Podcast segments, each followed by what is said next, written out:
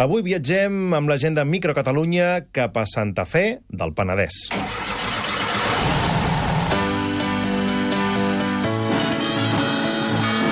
Viatgem per la Microcatalunya.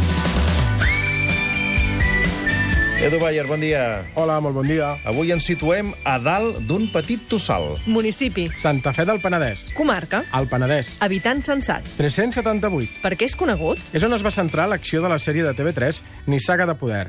Era conegut com a Santa Eulàlia del Penedès. I llavors hi anava molta gent a visitar el poble per veure si hi trobava els Montsolís. Qui és el drac Pallarot? És qui mai no es perd les festes majors i va aparèixer el 1992 coincidint amb els Jocs Olímpics. Qui mana al poble? Jordi Rius, que encapçalava una llista d'independents. El micromoment. Santa Fe del Penedès, doncs, un poble que ha estat escenari d'una sèrie de televisió molt famosa, Nissaga de Poder. Allà hi van anar l'Edu Bayer i el Marc Serena. Edu, Santa Fe, a banda de ser aquest escenari, també vosaltres volíeu explicar que també és un dels pobles on de tant en tant hi passa una biblioteca mòbil.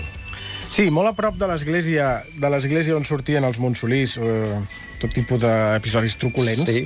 Eh, vam veure com arribava de, de, de sobte un dia, un dia per la tarda eh, l'autobús, eh, el bibliobús, que, que ve un cop cada 15 dies, que és de la Diputació de Barcelona, i que en tenen nou, que van recorrent les diferents comarques. Eh, jo recordo que va ser com un esdeveniment, perquè al poble eh, hi ha poques coses, és un poble petit, eh, que està entre Sant Sadurní i Vilafranca, Llavors hi ha, hi ha un centre cívic que és molt, és molt, molt, molt eixerit, i hi ha un bar a sota, però poca cosa més. I llavors l'arribada de, de veure com arribava aquest, aquest bibliobús i veure com eh, petits i grans comencen a sortir per diferents carrers a buscar un llibre o a tornar una revista o a buscar una pel·lícula o un CD, doncs de cop, bueno, allò es va, es va convertir... Com una festa, no? Sí, una festa cultural. Llavors va ser pujar dintre, jo no havia estat mai amb un bus d'aquests, i es veu que només necessiten un endoll i una línia de telèfon i allò ho converteixen en una oficina amb, tota, amb, amb tot el que cal. Tenen internet, tenen ordinadors, tenen servei de préstec, i entres a dintre i sembla que estiguis en un, a un edifici de biblioteca. És magnífic. La gent agafava, imagino, llibres, però també hi havia altres productes, no sé, tenien música, pel·lícules, també? Sí, revi- revistes, CDs, de, DVDs... Hi havia una miqueta com a, com, a qualsevol, com a qualsevol altra biblioteca. I, a més, de fet, al terra hi, hi havia nenes llegint contes i, bueno, era una escena molt, molt, molt familiar i molt, molt maca.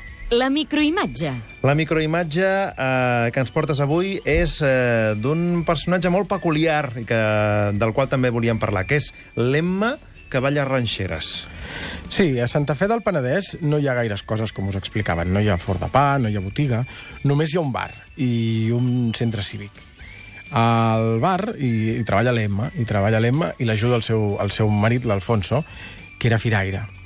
Eh, com que no té gaire feina, la, la Emma també completa una mica la seva jornada fent feines de costura. Ella és la modista del poble i tothom la, i, i tothom la coneix de sempre per la seva afició a, a fer les disfresses i, de fet, ella ha fet sempre... A. Afició i habilitat, perquè estic veient aquesta imatge, que és la que penjarem tot seguit a Facebook i Twitter del programa, i l'Emma és aquesta Ella- que porta aquest vestit Sí. ple de colors, de Sí, formes sí. diferents... Ella, tot, ella, tota la vida, ella tota la vida sorpresa al poble i era com una mena de, de, de, de moment senyalat del carnaval, era el, la disfressa de l'Emma. Ens en va ensenyar de torre de Pisa, de matller florit... Un, de gai- Torre de Pisa? Sí, sí, era boníssim. Perquè no es veia ella, llavors se'l va posar a sobre, llavors va dir, espera, espera, Edu, llavors es va girar així com... Ella s'inclinava. Es va inclinar amb tot, el, amb tot el rotllo, un muntatge molt gran. De Matller Florit, de què més? I el d'aquest any ha sigut un ram de violetes, molt bonic també. Llavors la foto eh, no només és que li agradi, li agradi eh, les disfresses, sinó també és la seva cara més humana, que un cop eh, per setmana va visitar la seva mare, que està en una residència d'avis, i tant ella com el Pepe amb la seva guitarra, que és un músic, eh, fan música i fan ballar i cantar als avis durant una estona. És una petita gran història humana. Molta animació a Santa Fe del Penedès amb l'Emma. Anem ara a aquest micropoble. El microcatalà.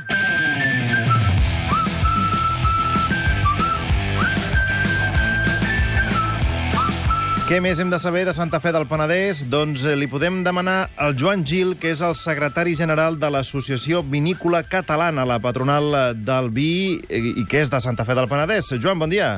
Hola, bon dia. De fet, vostè va ser el primer alcalde del poble de la democràcia, va ser això l'any 79. Qui, quina diferència hi ha entre el poble aleshores i ara? Bueno, eh, el primer que hi ha és el nombre d'habitants, no?, que, que s'ha doblat pràcticament.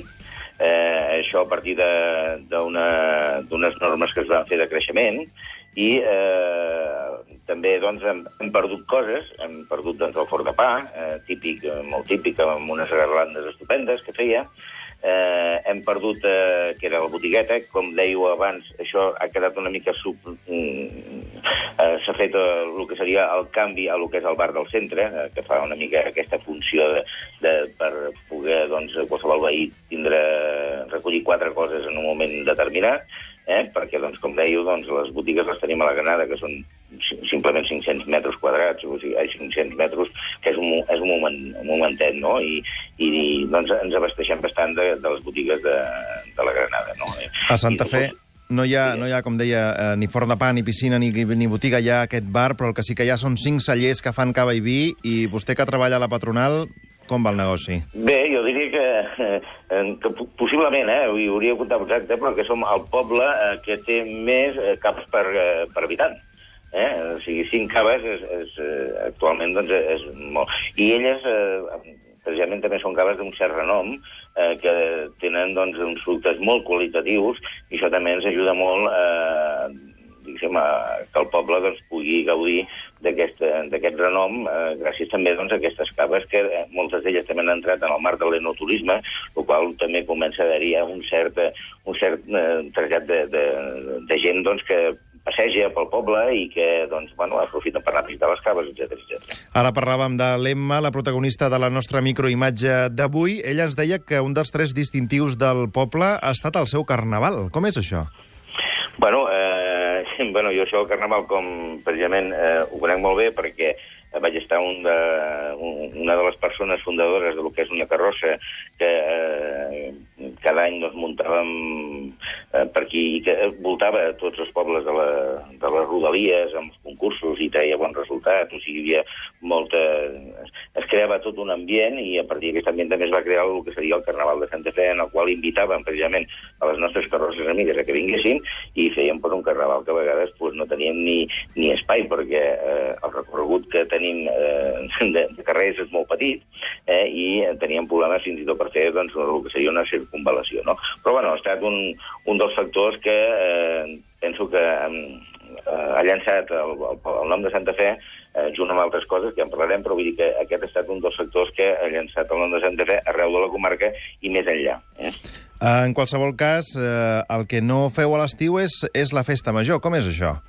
Bueno, eh, això té, té tota una història, no? Eh, normalment el, el patró, la patrona, que és Santa Fe, la, la data de, de celebració és el 6 d'octubre. Eh? Eh, llavors, què ens trobàvem? Que eh, el 6 d'octubre molts, ara ja no tant, perquè s'avança la barema, però en aquells temps, el 6 d'octubre molta gent encara estava bramant i no, no, no podia gaudir de, de, de la festa. Llavors van decidir en el seu moment eh, que eh, la, la, la deixarien no el dia eh, aquest del dia 6 d'octubre, sinó que la deixarien pel tercer diumenge del mes d'octubre, data amb la qual ja normalment tothom havia acabat la brema i podia gaudir de la, de la festa, no? Doncs eh, Joan Gil ens ha donat alguns detalls més eh, del Santa Fe del Penedès, el micropoble, que, al qual hem viatjat avui juntament amb la gent de signi- podia Microcatalunya. signi- Digues, Joan. significar només, o només podia significar que Santa Fe va ser el poble que va si- eh, significar la nissaga de poder. Sí, ho hem explicat. Va ser el poble on es va rodar Nissaga de Poder i, i molta gent eh, el coneix per això. No sé si hi ha turisme específic per això de gent que ve a veure els, els escenaris de la sèrie. Bueno, en el seu moment hi havia una circulació molt important i autocars, fins i tot, no? doncs que les agències portaven doncs, per veure els racons allà on eh, cada un dels personatges representava que vivia, no? Eh, hi va haver una moguda molt important. Eh? Molt bé, Joan, moltes gràcies. Gràcies a vosaltres.